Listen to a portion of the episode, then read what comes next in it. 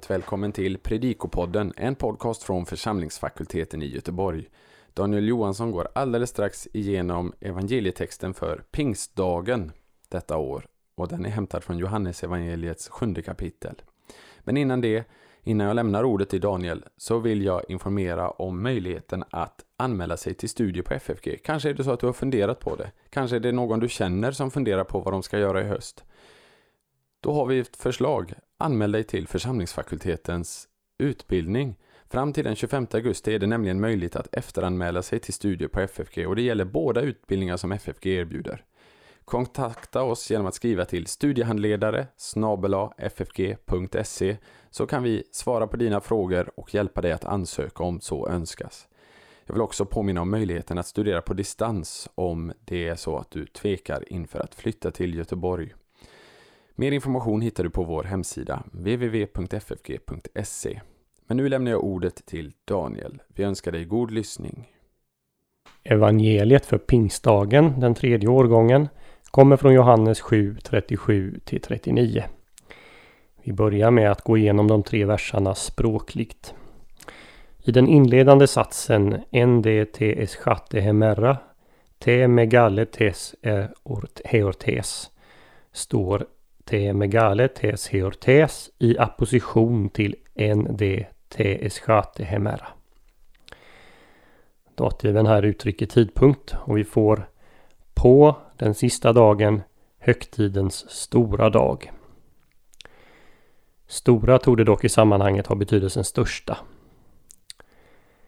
Este, hestekei är pluskvamperfekt av histemi, ställa. När något blivit ställt står det. Perfekt av histemit betyder alltså stå och för att uttrycka det i dåtid används pluskvamperfekt. Alltså blir det Jesus stod.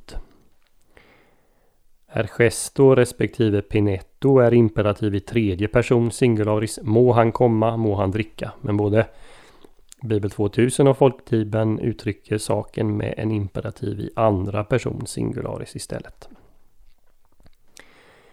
Den inledande satsen i vers 38 Hopistevon eis är med, den som tror på mig, kan gå både med föregående sats och med efterföljande. Tar man den med föregående sats får man en kiasm. Om någon törsta må han komma till mig, må han dricka den som tror på mig. I det här fallet sätter man punkt efter vers 38a. Så som skriften säger påbörjar alltså en ny mening och resten av vers 38 tillskrivs Jesus, det vill säga det är ur Jesu inre floder av levande vatten ska flöda. Det andra alternativet är att översätta som Bibel 2000 och Folkbibeln gör och ta eh, Hopis Devon Eis är med med det som följer.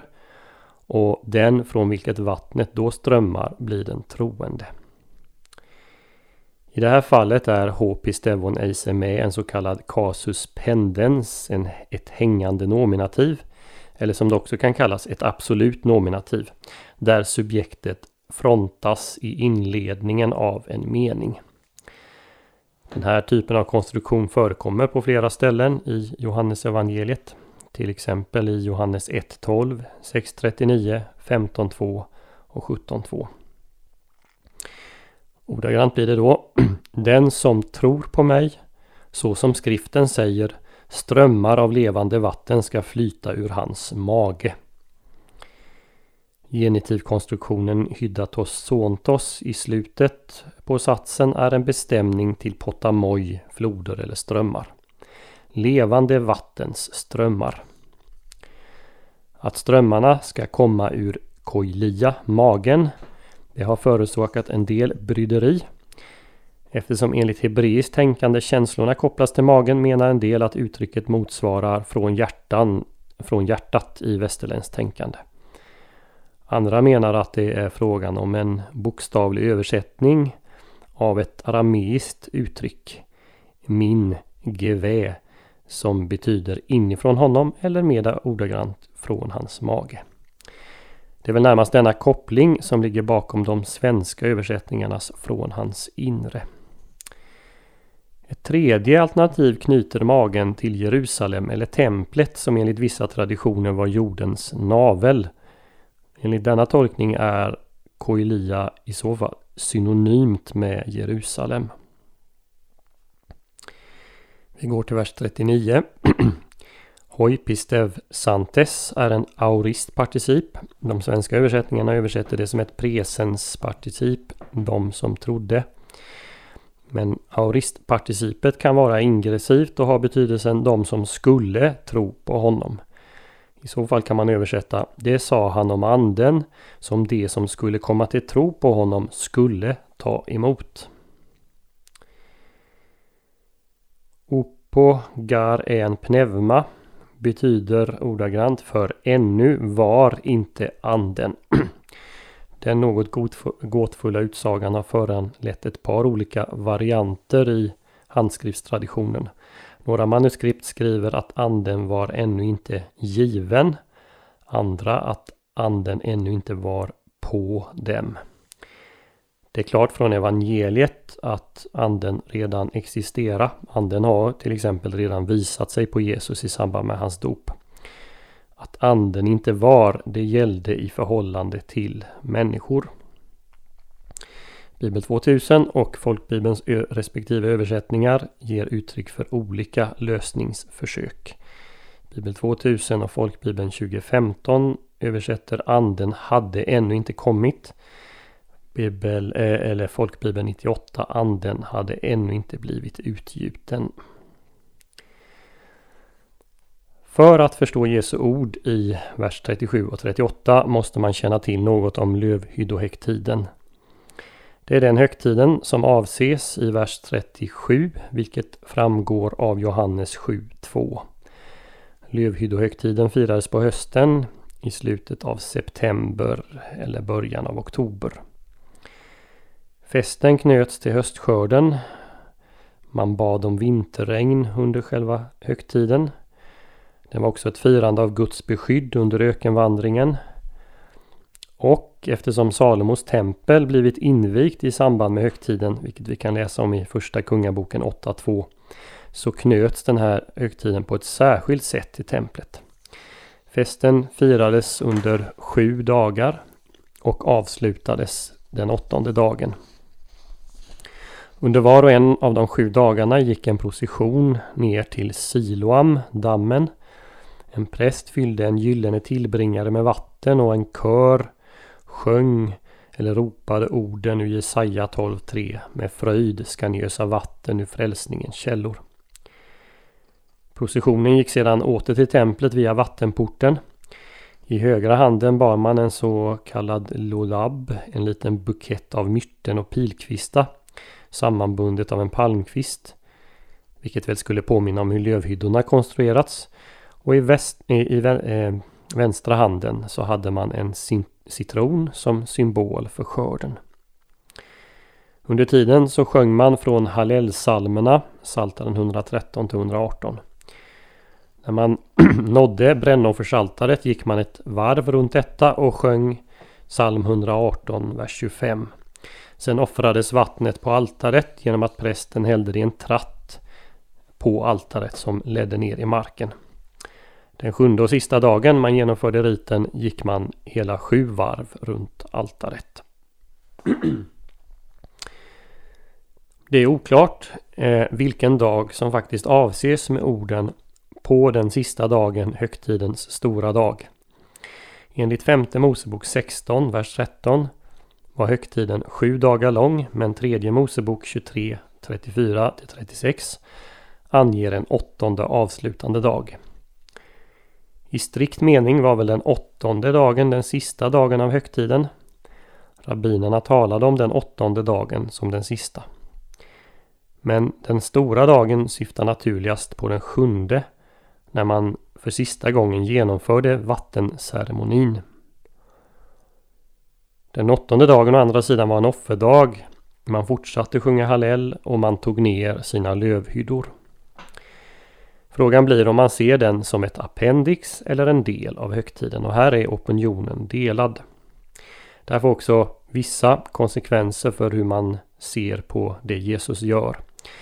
Tänker man sig att den sjunde dagen avses ligger det nära till hands att tänka sig att Jesus ropar högt precis när prästen lyft handen för att visa att vattnet varit utgjutet för sista gången under högtiden. Jesu anspråk betydde att allt det som högtiden och vattenceremonin symboliserade i dåtid, i nutid och framtid nu var tillgängligt genom honom. Det kan förklara det samtal i folket som följer och det intryck Jesus gör på tempelvakterna som vi läser om i vers 40 till 43 och 46. Å andra sidan tänker man sig att det utspelades på den åttonde dagen när vattenceremonin upphört ligger betoningen på att Jesus ständigt kan ge det som den högtiden eh, som högtiden nu inte längre ger. När vemodet över den avslutade högtiden börjar sätta in uppenbarar Jesus sig som den som hela tiden kan ge vatten så som klippan gjorde under ökenvandringen. Det kan vara på sin plats att notera ett antal paralleller i Sakarja 12-14. Där står att Herren ska utgjuta en nådens och bönens ande i 12.10. Att han öppnar en källa för Davids hus för att rena Jerusalem i 13.1. Att levande vatten ska utgå från templet till Medelhavet och Döda havet 14.8. Och när alla fiender är borta ska folket kunna hålla lövhyddohögtid 14.16.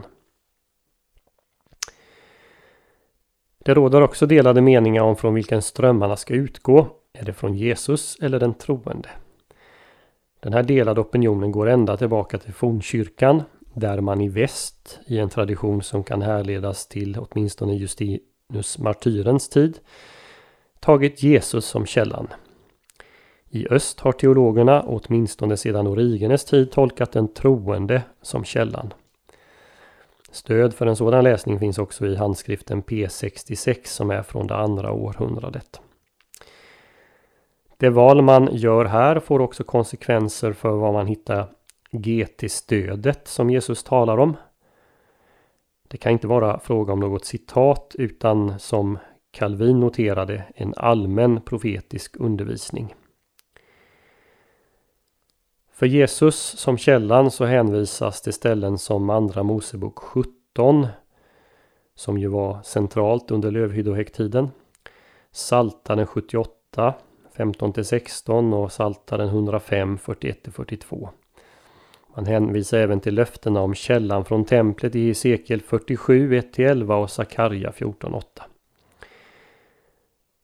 Denna bild kan sedan kompletteras av att Jesus redan identifierat sig själv som templet Johannes 2 och att vatten och blod kommer ur Jesus sida i 1934 strax efter att han har överlämnat anden i 1930. Dessa ställen är sedan sammanförda i första Johannesbrevet 5.7. Någon hänvisar också till Uppenbarelseboken 22 1-2 där det berättas om hur vattnet flödar från Guds tron och folk inbjuds att dricka därav i 22.17. För den troende som en källa hänvisas till löften om andliga välsignelser i allmänhet. Till exempel till Jesaja 58.11 och Ordspråksboken 18.4. Och så finns det en rad ställen som förknippas med anden och den troende. Jesaja 12.3 Jesaja 44 3. Hesekiel 36 25-27. Hesekiel 47 1. Med många fler. Jag citerar dem i pdfen till den här podden. Till stöd från Johannes evangeliet så kan hänvisas till 4.14 där Jesus säger om det vatten han ger att det blir en källa i den troende som flödar fram till evigt liv. Till sist något om evangelistens kommentar i vers 39 som jag var inne på redan i podden till annandag påsk. Anden var ännu inte därför att Jesus ännu inte var förhärligad, det vill säga upphöjd på korset. Det troliga är att Johannes här hänvisar till 1930 i evangeliet senare när Jesus säger det är fullbordat och så följer han böjde ner huvudet och ordagrant överlämnade anden paredoken to pneuma. Den renande och livgivande anden blir så att säga utsläppt vid Jesu död Och efter sin uppståndelse andas han in den i lärjungarna 2022. Och lärjungarna tar emot anden. För egen del tror jag alltså inte att Johannes i första hand avser pingstdagen, eh, pingstdagens under i 739, utan långfredagens och påskdagens händelse, överlämnandet och påandandet av anden. Och det är då orden i Johannes 14.7 går i uppfyllelse. Ni känner honom, det vill säga anden, för han förblir hos er och ska vara i er. Vi hoppas att denna genomgång får bli till hjälp och välsignelse för dig som har lyssnat. På vår hemsida www.ffg.se kan du hitta information om hur du kan stödja fakultetens arbete, som till exempel den här podcasten. Ett sätt att stödja är att skänka en gåva genom Swish. Församlingsfakultetens Swish-nummer är 123 100 84 57. Alltså 123 100 84 57. Mottagaren som anges är Peter Isak Bens utbildningsstiftelse. Märk gärna gåvan FFG Podcast om du vill stötta just denna podden. Så önskar vi allt gott och Guds välsignelse.